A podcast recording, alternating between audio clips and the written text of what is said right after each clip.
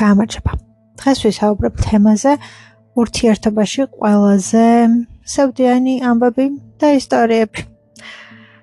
ამ ასეთი ამბავი არის, როდესაც ორ ადამიანს ერთმანეთი ძალიან უყვარს, ერთად ყოფნა უნდათ, მოსწონთ, შეამოვნებთ და ნუ ყოველ შემთხვევაში ერთმანეთი ძალიან უყვართ, მაგრამ ერთად ყოფნა არ გამოსდით. ერთმანეთს ვერ ეწყობიან, ბოლომდე ვერ უგებენ, რაღაცებში აცდენა აქვთ და მიუხედავად იმისა, რომ ერთმანეთი ძალიან უყვართ და მიუხედავად იმისა, რომ ძალიან დიდი სიყვარული და ემოცია აკავშირებთ, ერთად ყოფნა არ გამოსდით.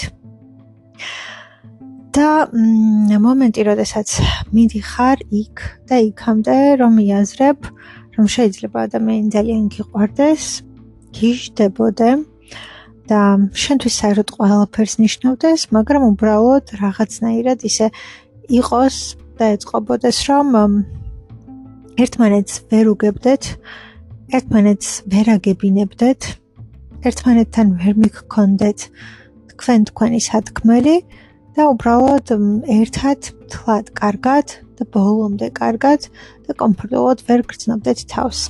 ვერ უგებდეთ და ვერ ეწყობოდეთ ერთმანეთს და რაღაც იყოს ძალიან პრობლემატური. დისკომუნიკაცია, აცდენა, არათანაბარი და არათანასწორი პირობები, გარკვეულწილად ორმაგი სტანდარტები და ურთიერთ გაგების ნაცვლად, არა ურთიერთ გაგება და ნუ ბრალოდ ვერ ეწყობოდე. ბოლომდე კარგად ვერ იყოთ ერთად. და რაღაცაში მუდმივად იყოს პრობლემა. აა პრობლემა იყოს ის რომ თუნდაც ის რომ ერთმანეთს ძალიან გიყვარდეთ, მაგრამ ნუ ერთად ვერ ვერ გამოგდიოდეთ რა ჰარმონიულად ყოფნა და იყოს ძალიან დიდი აცდენა. ხო და ასე დროს და მომენტში როგორც არ უნდა გიყვარდეს და როგორც არ უნდა გინდოდეს მასთან ყოფნა მთელი შენი სურვილებით ურთიერთობა არ გამოდის და არ ეწყობა. მე არის ის რომ ან ვიღაც უნდა წავიდეს დათმობაზე და რომელიმე მხარემ და ორივე მხარემ უნდა დათმოს თავ-თავისი ნაწილი რაღაც მაინც და ძალიან დიდი ასე ვთქვათ, მსხვერპლი გაიღონ იმისათვის, რომ ეს ურთიერთობა რეალურად შედგეს, გამოვიდეს, აეწყოს და რა თქმა უნდა ეს არ უნდა იყოს ცალმხრივი. და ეს ის რაღაცებია და ეს ის ისეთი პატარა-პატარა რაღაცებია, რაც ურთიერთობას ძალიან ანგრევს და აფუჭებს. აა და ძალიან საუდიანი ნაწილია. მაშინ როდესაც სიყვარული მთავრდება და როცა ორ ადამიანს ერთმანეთი აღარ უყვარს და უბრალოდ გრძნობა ქრება ურთიერთობის დასრულება ძალიან მარტივია. იმიტომ რომ რეალურად მასთან ყოფნა უკვე აღარ გინდა და რეალურად მოხდა ისე და ეწყო ისე მთელი მოვლენები, რომ ურთიერთობა მივიდა თავის ლოგიკურ და რაღაც დასასრულამდე, მაგრამ როდესაც გიყვარს და უბრალოდ აა პატარ-პატარა რაღაცები გიქმნის პრობლემას. ძალიან რთულია. და ის რომ რაღაცა არ გამოდის ან ვერ გამოდის ხდება არა იმიტომ რომ ერთმანეთი არ გიყვართ ან ერთად ყოფნა არ გინდათ არამედ იმიტომ რომ აა რაღაცაში ვერ აეწყეთ და კიდევ ერთ-ერთი საუდიანი ამბავი არის ის, როდესაც დამნაშავე არ არსებობს. იმიტომ რომ ადამიანთა უმრავლესობას და ყოველას ალბათ რაღაც კუთხით გვიყვარს, როდესაც რაღაც ამბავში და ისტორიაში არსებობს დამნაშავე. და ძალიან მოგწონს, როდესაც ვიღაც არის დამნაშავე. იმიტომ რომ ჩვენ თითქოს ნაკლები პასუხისმგებლობა გვაქვს, ნაკლებად ცუდები გამოვდივართ და ასე შემდეგ. მაგრამ როდესაც იაზრებ, რომ ურთიერთობაში არ არსებობს დამნაშავე, არც ის არის დამნაშავე, არც შენ ხარ დამნაშავე და არავინ არის დამნაშავე, ძალიან რთულია თითქოს. უფრო სევდიანია, იმიტომ რომ არავის ბრალი არ არის ეს ყველაფერი, არავინ არ არის დამნაშავე. უბრალოდ აი ეს პატარ-პატარა რაღაცები, რასაც შეიძლება ვითომ შეიძლება რომ პატარ-პატარა დავარქვათ, მ იმდენად ცუდად აეწყო და იმდენად ცუდად დაალაგდა, რომ საბოლოო ჯამში არაფერი გამოვიდა და ну მოხდა ის რაც მოხდა. და ეს კიდე უფრო ამძიმებს ხოლმე ემოციურ მდგომარეობას, იმიტომ რომ იცი რომ გიყვარს, იცი რომ უყვარხარ, იცი რომ გიждდები, იცი რომ შენზე გიждდება, მაგრამ უბრალოდ ვერ ეწყობა ურთიერთობა. არ გამოგდით ერთად ყოფნა, არ გამოგდით ერთად კომფორტულად ყოფნა და უფრო მეტი დაძაბულობა, ან გაღიზიანება, ან აგრესიული მომენტები არის, როცა უბრალოდ გაღიზიანებული ხარ და რაღაცნაირად ახრენილი. ვიდრე მაგალითად კომფორტული და ჰარმონიული და კარგი. და ნუ ხო, როდესაც ხდება ორ ადამიანს შორის აცდენა, მ ძალიან სევდიანია. ძალიან სევდიანს ხდის მე რა უკვე მთელი ისტორიას, იმიტომ რომ დამნაშავე არ არის, არავინ არ არის დამნაშავე. დამნაშავე ფაქტობრივად არ არსებობს, მაგრამ ერთადაც არ გამოდის ყოფნა. იმიტომ რომ და მე მოდის უკვე ძალიან ბევრი იმიტომ. და ნუ ხო, ეს ნაწილი ნამდვილად სევდიანს ხდის მთელ ამბავს. და მთელ ისტორიას, იმიტომ რომ აა ხო, ნუ რეალურად გინდათ ერთად ყოფნა, გიყვართ ერთმანეთი, ძალიან ძალიან გიყვარს. მაგრამ ყოველდღიურ ურთიერთობაში ნახაცები ვერ გამოდის ისე და ვერ ეწყობა. და მე ხვდები იმასაც, რომ თურმე შესაძლებელი ყოფილა მოხდეს ისე, რომ ადამიანი გიყვარდეს, გიშდებოდა, ძალიან ძალიან გიყვარდეს, მაგრამ მასთან ყოფნა ვერ გამოგდიოდეს და არ გამოგდიოდეს. და მასთან ურთიერთობა ვერ გეწყობოდეს. კომფორტი არ იყოს ყოველთვის. და იყოს ხოლმე რაღაცა გაღიზიანებები. და აცდენები. შესაბამისად, ძალიან რთული არის ეს ნაწილი. ძალიან რთულია. მ ხვდები რომ გაქვს ისტორია, რომელშიც დამნაშავე არ არის. და გაქვს ისტორია, რომელშიც ასე ვთქვათ, მთავარი დამნაშავე არის აცდენა, რომ სადღაც ერთმანეთს აცდით. რაღაც ეტაპზე ვერ იყავით ერთ მოუდზე, ერთ ტალღაზე, ერთ მუდზე. რაღაცნაირად ვერ აეწყვეთ. ვიღაცა სხვა ემოციები ქონდა რაღაც პერიოდში, ვიღაცა სხვა ა ერთი რო რაღაც ისტორიას გადიოდა, მეორე იმ დროს სხვა ამბავს გადიოდა. ერთისთვის რო ძალიან რთული პერიოდი იყო, მეორესთვის მე მეტნაკლებად მშვიდი. ერთზე რომ რაღაცა მასე იმოქმედა, მეორეზე ასე იმოქმედა და ვერავის ვერ დაადანაშაულებ. ვერ მიხვალ და ვერ დაადანაშაულებ მეორე ადამიანს, რომ ეხლა რატომ გაქვს რთული პერიოდი. აა და ნუ ხვდები რომ ყველაზე ცუდი რამ ურთიერთობაში ყოფილა ის, როდესაც ორი ადამიანი ერთმანეთს ცდება ემოციურად და ერთსა და იმავე ამბავს და ერთსა და იმავე ისტორიას არ გადიან ერთ ჯერზე და ერთდროულად. იმიტომ რომ ნუ ძალიან რთულია. და ძალიან მნიშვნელოვანია ემოციური დამთხევა, ემოციური თანხვედრა.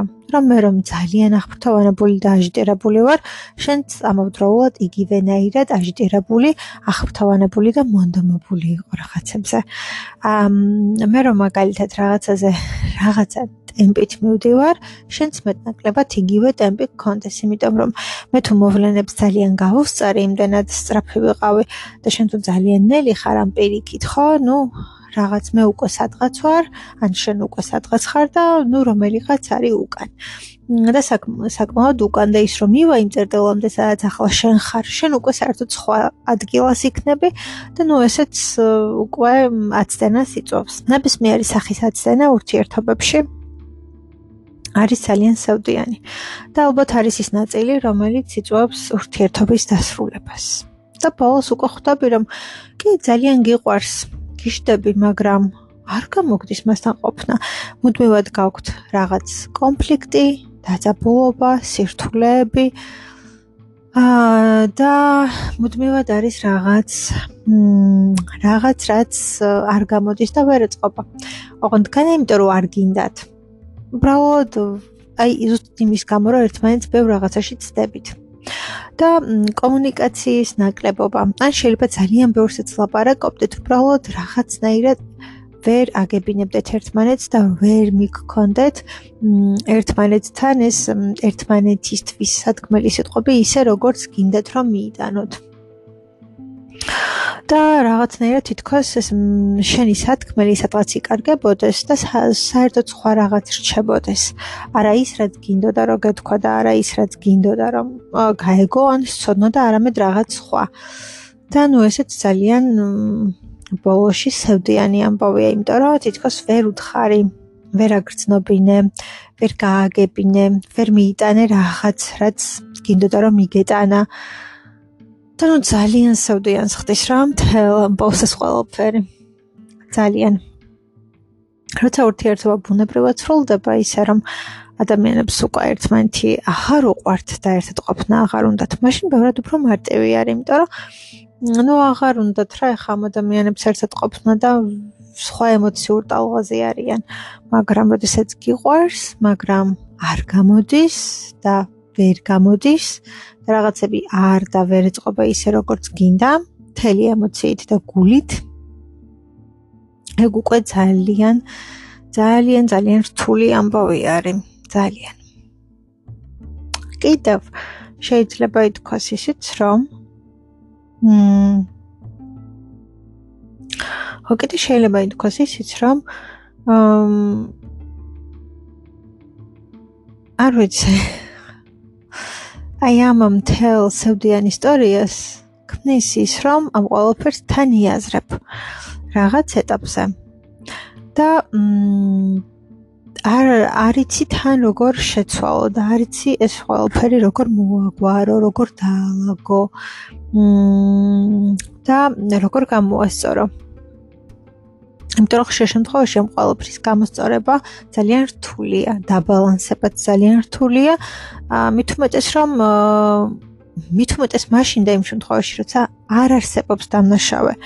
ანუ ვერავის ვერ დაადანაშაულებ თუ ემოციურად ვერ დაგემთხვა. და სხვა საერთოდ რაღაცა სხვა პერიოდს გადიოდა. ან თუ ერთმანეთის დრო და ეს ტემპი არ ემთხვევა ერთმანეთს ვერ დაადანაშაულებ ადამიანს იმაში, რომ რატო არ გაქვს ისეთივე ტემპი, როგორიც მაქვს მე. ამაში არ ვერ დაადანაშაულებ, არ არის უბრალოდ დამნაშავე. დამნაშავე შეიძლება იყოს მაშინ, როდესაც მოგატყუა, როდესაც გიღალა, როდესაც რაღაცას დაგპირდა და არ გააკეთა. ან არ ვიცი, რაღაც მომენტები არის ალბათ, როდესაც შეიძლება რომ ვთქვათ, რომ ადამიანი არის დამნაშავე. აა, მაგრამ ასეთ შემთხვევაში დამნაშავე უბრალოდ არ არის. ეს არის ის, რაც მოხდა, ან არ მოხდა, ან გამოვიდა, ან ვერ გამოვიდა. და ყოველფრის მოგვარება და დაალაგება ყველაზე მეტად რთული არის. აა და მით უმეტეს მაშინ, როდესაც ემოციებია ჩართული და როდესაც გინდა ამ ადამიანთან ყოფნა რეალურად გიყვარს და ყველაფრად გიღირს, შეიძლება მთელ სამყაროდ გიღირს და რა ვიცი, ყველაფრად საერთოდ მთელი შენი ცხოვრება, მთელი შენი ყველაფერია და მთელი შენი სიცოცხლე არის. მ უბრალოდ არიცი ეს ყველაფერი როგორ დაალაგო. იმიტომ რომ ძალიან ბევრი ამბავი ტრიალებს მაგ დროს. ამით უმეტეს, როდესაც კიდევ არის მოთმენები. მაგალითად, ადამიანი რაღაცებს ითმენდა. ითმენდა იმიტომ, რომ უღირდა. არა იმიტომ, რომ ვიღაცამ დააძალა, არამედ უღირდა. აა და ფიქრობდა, რომ ეს ყველაფერი ოკეი არის. ანუ მაგალითად, მე მინდა რომ რაღაც ამბავი მოხდეს. აი დღეს მინდა რომ აი ასე და ასე და ასე და ასე დაალაგდეს ამბები და ისტორიები. ну ჩემს გულში და ჩემს გონებაში. მაგრამ რეალურად საერთოდ სხვანაირად დაალაგდეს ეს ისტორია რეალობაში. და რა თქმა უნდა, შინაგანად მე გამიცრუდა ხო გულიან იმედები, იმიტომ რომ მე საერთოდ სხვა რაღაცას წარმოვიდგენდი, მე საერთოდ სხვა რაღაცას ველოდი და საერთოდ სხვა რაღაც მოხდა. და მე ვამბობ, რომ ხო, კაი, არა უშავს. იმიტომ რომ ნუ მე ხო ეს ადამიანი ძალიან მიყვარს და მე ხო ეს ურთიერთობა ყოველფრად მიიღებს და ნუ რა მოხდა ეხა ამ რაღაცის გამო ხო დავანგრევ ამ ყოველფერს და გავაფუჭებ. აა მაგრამ სადღაც ჩიგნით მაინც რჩება იმედ გაცრუებად და გულგატეხილობად. და მე რაც უფრო მეტი დრო გადის ეს თუ ასეთი შემთხვევები მატულობს და ბევრია. აა ძალიან დიდი იმედგაცრუებები არის ხოლმე და გროვდება.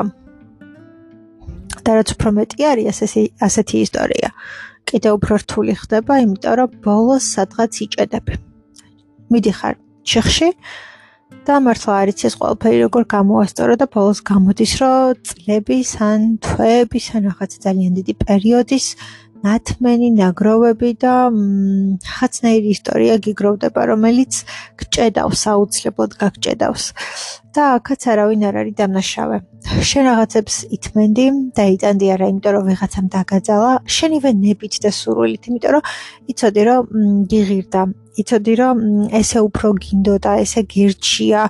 ეს ურთიერთობა ან ეს ადამიანი ან ეს სიყვარული გიღირდა იმათ რომ რაღაცები აგეტანა და მოგეთმინა და გადაგელახან, გადაგეყლაპან, თვალი დაგეხუჭან, არ შეგემჩნია, მაგრამ ბოლოს ასეთი ისტორიების გროვდება და ემოციურად ძალიან ძალიან ძალიან გჭედავს. და ნუ ძალიან ცუდად ხდის და ეს არ არის ამბავი და ეს არ არის ის ისტორია, რომელიც შენზე კარგად იმოქმედებს. რომ თქეგონოს რომ არა უშავს, სადღაც უშავს. რაღაც ეტაპზე ერთმანეთს უნდა დაემთხვა. დღეს ასეთი ადამიანი, ანუ ორი ადამიანი რა, რაღაც გამოსავალი უნდა მოიძებნოს. მაგალითად, აა თუ შენ ხარ ძალიან სწრაფი და ყველაფერი სულ სწრაფად და მალე-მალე გინდა, და მეორე ადამიანი არის ძალიან ნელი და მაგალითად თუ შენთვის აა რაღაცა მომენტში აა როცა მეტყვი რა ეს ახლა მალე მალევე მინდა თუ ეს შენი მალე არის მაქსიმუმ 1 კვირა და მეორე ადამიანისთვის აი ეს მალე მინდა რო თქვას და ეს მალე არის 2 თვის მერე თავისთავად უკვე ძალიან დიდი აცდენა იმიტომ რომ შენ მალეში გულისხმობ 1 კვირას და მეორე ადამიანი იგივე სიტყვაში და სიტყვა მალეში გულისხმობს 2 თვეს და შეიძლება მეტიც მოითმინოს და აიტანოს ასე რომ რაღაცები მერე აცდება ერთმანეთს და შეეჯახება და არ მოგეწონება. იმიტომ რომ ასე არ გინდოდა და ასე არ მოგწონდა, ასე არ გქონდა არც განზრახული, არც ჩაფიქრებული. მაგალითად თუ გინდა რომ ურთიერთობას თავის სახელი დაერქვას, ну შენ შინაგანად სადღაც ურთიერთობის დაწყებიდან მაქსიმუმ 6 თვეში და მეორე ადამიანი ძალიან ნელი არის და ამას ფიქრობს, რომ 1-2 წელი არ უშავს ესე თუ იქნება, ან 1 წლის მერე, ან 2 წლის მერე დაერქვას. მ შენ შეიძლება მოითმინო, აიტანო ხმაც არა მოიღო, ამ რაღაცასაც მოერგო, ასე ვთქვათ, მაგრამ შინაგანად გააქვს რაღაცა იმედ გაცრუება, ან არის რაღაც, რაც ნუ ისი არ ხდება რა, როგორც გინდა. და ესე არ ეწყობა როგორც გინდა. შესაბამისად გრჩება რაღაც იმედ გაცრუებასავით და გულგატეხილობასავით რომელიც აუცილებლად იმოქმედებს და აუცილებლად დაგეჯახება მე ისევ შენ და რაღაცას ანგრევს და გინგრევს რაც არ არის მარტივი გადასატანი და არც მარტივი გასაანალიზებელი და არც მარტივი მისაღები აუცილებლად გარტყამს აუცილებლად ცუდად გარტყამს და აუცილებლად გჭედავს სადღაც იმიტომ რომ არ არსებობს ალბათ ის მოცემულობა და არ არსებობს ალბათ ის მომენტი, რომ ამ ყველაფერმა ძალიან ცუდად არ დაგარტყას.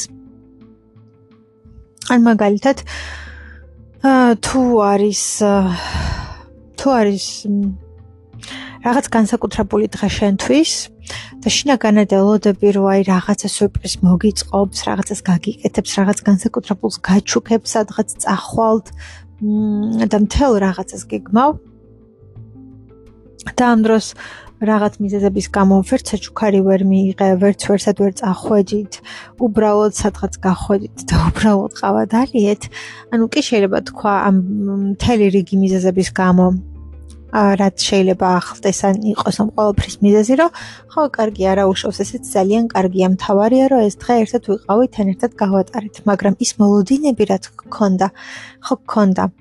ანუ შენს წარმოდგენებში და შენს ფიქრებში და შენს ოცნებებში ეს დღე საერთოდ სხვანაირად გამოიყურებოდა, საერთოდ სხვანაირად იყო ყველაფერი და რეალურ პირობებში და რეალობაში საერთოდ სხვა რაღაც იყო და მოხდა.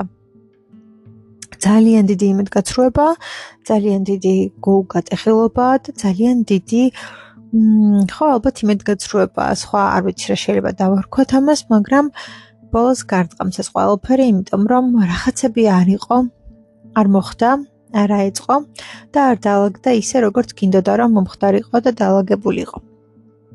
შესაბამისად ეს ყველაფერი აუცილებლად აუცილებლად დაგარწყამს ძალიან ცუდად. და ბოლოს რაღაცას გააფუჭებს, იმიტომ რომ აი ამ სახის მოთმენასაც კი როდესაც შინაგანი მოლოდინები არის, შინაგანი მარტო მოლოდინი არა, სურვილები არის, სურვილები, რომლებიც ვერ ასრულდა, ვერ განხორციელდა და ვერ მოხდა. ძალიან ძალიან ცუდად გარწყამს და უცლებოდ ძალიან ცუდად დაგარწყამს რაღაც ეტაპზე მაინც და ისევ ვერ ჩაივლის ეს ყველაფერი. და ყოველთვის მახსენდება ხოლმე ალბათ ეს ფრაზა ვიცი სადღაც 10 წელზე მეტია. და ყოველთვის მახსენდება ხოლმე რაღაც პერიოდებში და მომენტებში. ოსკარ ვალდის სიტყვებია, რომ აუსრულებელი სურვილები აა დაუცნებები, რომლებიც გქონდა ჩვენ თვითონ გვწამლავს და გვშხამავს და მოკლედ ჩვენ თვითონ გვანადგურებს. მმ რა თქმა უნდა პერიფრაზია, მაგრამ რაღაც მსგავსი არის შინაარსობრივად და მართლაც ასე არის. ყველაფერი რაც მთელი გულით გვინდოდა, გვინდა და რაც არ გამოვიდა, ან ვერ გამოვიდა, მე ჩვენ თვისვი არის ცუდი. იმიტომ რომ ძალიან დიდი საწამლავი, ძალიან დიდი შხამი და უბედურება, რომელიც აუცილებლად დაგვაზიანებს, დაგვაზარალებს და მოგვკლავს და გაგვანადგურებს ჩვენვე. და ამ შემთხვევაშიც ზუსტად იგივე ხდება, რომ რაღაცები რაც გვინდოდა, ვერ მოხდა, ვერ გამოვიდა, ვერ განხორციელდა და ვერ აეწყო ძალიან ცუდად გვირტყავს. იმიტომ რომ ეს სურვილები ხო იყო. ხო გქონდა მოლოდინები, სურვილები, რაღაც არ ვიცი, რაღაც გეგმები თუნდაც რაც არა და არ გამოვიდა, მაგრამ რაღაც მომენტებში და რაღაც ეტაპზე. თვალს ხუჭავ, ითმენ, იტან, არ იმჩნევ. იმიტომ რომ ასე გინდა, განა იმიტომ რომ ვიღაც გაიძულებს, შენვე გინდა, იმიტომ რომ ეს ურთიერთობა იმდენად გინდა, იმდენად გიღირს, იმდენად გიყვარს, რომ ეს მოთმენეც და ეს რაღაცებზე თვალის დახუჭვა და ატანაც გიღირს, მაგრამ ბოლოს ხვდები, რომ შენ თვითონ გაგჭედა ამდენმა მოთმენამ, ამდენმა ჩაყვაპვამ, ამდენმა არ შემჩნევამ და იმან რომ რაღაცებზე ოკეი იყავი, თურმე რომელსაც არ ხარ ოკეი. ძალიან ასე რომ თქვათ, ბევრი ადამიანი მსჯელობს, ანუ არის საკითხები, რომლებზეც ადამიანები ძალიან ხშირად მსჯელობენ და რა თქმა უნდა, ვერ მოდიან, ესე ვთქვათ, ერთ აზრზე. და ყველა ადამიანს ძალიან განსხვავებული პოზიცია და შეხედულება აქვს და ნუ ვერ ეთანხმებიან ერთმანეთს ის, რომ ესე ფიქრობს, მეორე ესე ფიქრობს, ამას რომ ესე მიეჩნია, იმას ესე მიეჩნია და ეს ისეთი საკითხებია, რომლებსაც ნამდვილად ვერ ვიტყვით გადაჭრით, რომ ასე არის სწორი, თუ ისე არის სწორი. გააჩნია ვინ როგორი არის, ვინ რანაირი არის და ვის რა უნდა. ძალიან დიდი მნიშვნელობა აქვს ამ შემთხვევაში ადამიანს, მის ფსიქოტიპს და ასე შემდეგ და ასე შემდეგ. ამ ძალიან ძალიან დიდი მნიშვნელობა აქვს ამას. ჩვენ ყველანი ინდივიდები ვართ, განსხვავებული ემოციებით, განსხვავებული სურვილებით, განსხვავებული ამ ტიპაჟები ვართ და ყველა სხვადასხვა რაღაც უნდა, ყველა სხვადასხვა რაღაც სურს და ყველა სხვადასხვანაირად უყურებს ყველა მოვლენას. ხო და ის რომ მაგალითად ზოგიერთ ადამიანს უნდა რომ მისგან აბსოლუტურად განსხვავებული ადამიანი ყავდეს გვერდით, პროფესიით, ინტერესებით, რაღაცით, რაღაცით, ესეც ბუნებრივია, ვიღაცას ასეთი უნდა. და ნუ უფრო მეტად თავსებენ ამ შემთხვევაში ისინი ერთმანეთს, იმიტომ რომ აი ამ საერთოდ სხვადასხვა სფეროში ცოდნას, გამოცდილებას, რაღაცას, რაღაცას ერთმანეთს უზიარებენ, ერთმანეთისგან ძალიან ბევრს იღებენ, სწავლობენ, ვითარდებიან და ну ასე უფრო საინტერესო არის. ასეთი ადამიანებისთვის მოსაბეზრებელი იქნებოდა ზუსტად იგივე ინტერესების, იგივე პროფესიის, იგივე რაღაცის ადამიანთან ურთიერთობა, იმიტომ რომ ეს დაღლიდა, მობეზრდებოდა, რაღაცა ну, მოკლედ, არ იქნებოდა მისთვის საინტერესო. და ასევე არის მეორე ტიპის ადამიანები, არიან უბრალოდ მეორე ტიპის ადამიანები, რომლებსაც მიაჩნიათ, რომ მათივე პროფესიით, პროფესიის, მათივე სფეროში მოღვაწე ადამიანები სჭირდებათ იგივე ინტერესების და იგივე რაღაცების გამზიარებელი და მასთან უფრო საინტერესო იქნება მათთვის ურთიერთობა. ვიდრე საერთოდ სხვა სფეროზე ან სხვა რაღაცაზე, რომ კონდეს ადამიანს კავშირი, შეხედულებები, წარმოდგენები, ინტერესები, იმიტომ რომ თუ რაღაც სფერო არ გაინტერესებს, ნუ არ გაინტერესებს და მორჩა და არც გინდა რომ იმ სფეროებთან რაიმე კავშირი და შეხება გქონდეს. შესაბამისად, ის რაღაცები შენთვის არის სრულიად უინტერესო. აა და ნუ არ გაინტერესებს რა და არც გინდა და არც გგონია რომ შენთვის საინტერესო გახდება, მაგრამ შენ გინდა რომ მუდმივად კავშირი გქონდეს ისეთ რაღაც საკითხებთან და სფეროებთან და რა ინტერესებთან და ჰობთან და რაღაცებთან კავშირი, რაც შენს გაინტერესებს და ასე უფრო საინტერესო არის ურთიერთობაც და ადამიანიც. ამ ორ შემთხვევაში ვერ ვიტყვით, რომ რომელიმე სწორია ან არასწორია. აბსოლუტურად არის ინდივიდზე დამოკიდებული ვიღაცისთვის ასე უფრო საინტერესოა, ვიღაცისთვის ისე უფრო საინტერესო არის. მაგრამ აი თუ ხდება ემოციური აცდენა, აა და დროში, სივრცეში, ტემპში და რაღაც რაღაცებში აცდენა ის აუცილებლად გაართულებს ურთიერთობას, მაგრამ ის რომ ადამიანებს სხვადასხვა რაღაც აინტერესებთ და მოსწონთ და სხვადასხვა სფეროებში და პროფესიებში და რაღაცებში ტრიალებენ, ეს რა თქმა უნდა ინდივიდუალური არჩევანია, ინდივიდუალური სურვილია და ვის რა უნდა. ვის რა მოსწონს და ვის რა აინტერესებს, ვინსად უფრო კარგად გრძნობს თავს. არის საკითხები, რომლებიც აბსოლუტურად ინდივიდებზე არის დამოკიდებული. ზოგიერთს გადაჭრით მთა უყვარს და მთიანი ადგილები, ზოგიერთს გადაჭრით სხვა უყვარს და სხვისპირა ადგილები. ზოგიერთს საერთოდ ორივე უყვარს. ვერ ვიტყვით, რომ ის არის კარგი, როდესაც ადამიანს მთა უყვარს, ან ის არის კარგი, როდესაც ადამიანს სხვისპირა ადგილები უყვარს ხო? ანუ ეს არის უბრალოდ ადამიანზე დამოკიდებული და ვერანაირად ვერ ვიტყვით იმას, რომ რომელიმე ან ცუდია, ან კარგია.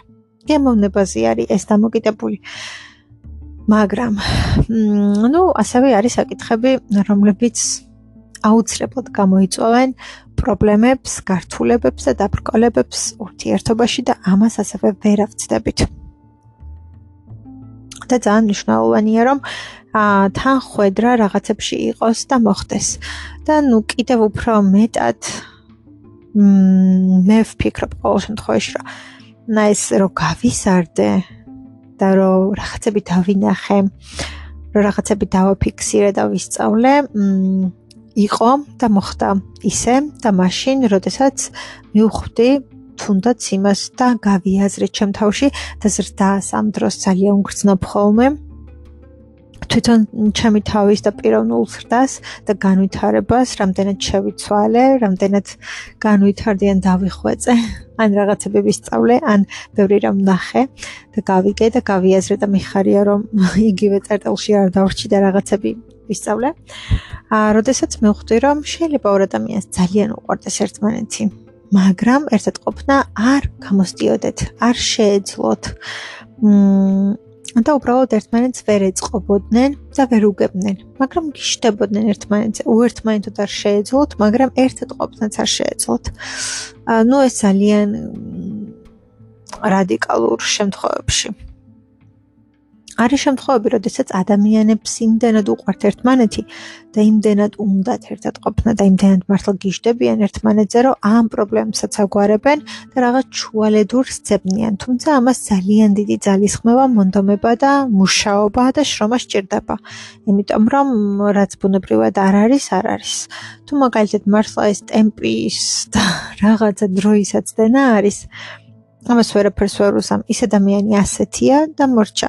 და მე მგონი წინა ჩანაწერშიც მქონდა ამაზე საუბარი, რომ მე მაგალითად თუ ვარ ნელი, რაც არ უნდა მოვინდომო, რაღაცა ვერავჩქარდები ხო? ანუ მე თუ რაღაცა გვერდს ვკითხულობ პირობითად ან ერთ ფურცელს ვკითხულობ 5 წუთში ასე ვკითხულობ ზოგადად და ჩემი ტემპი ეს არის.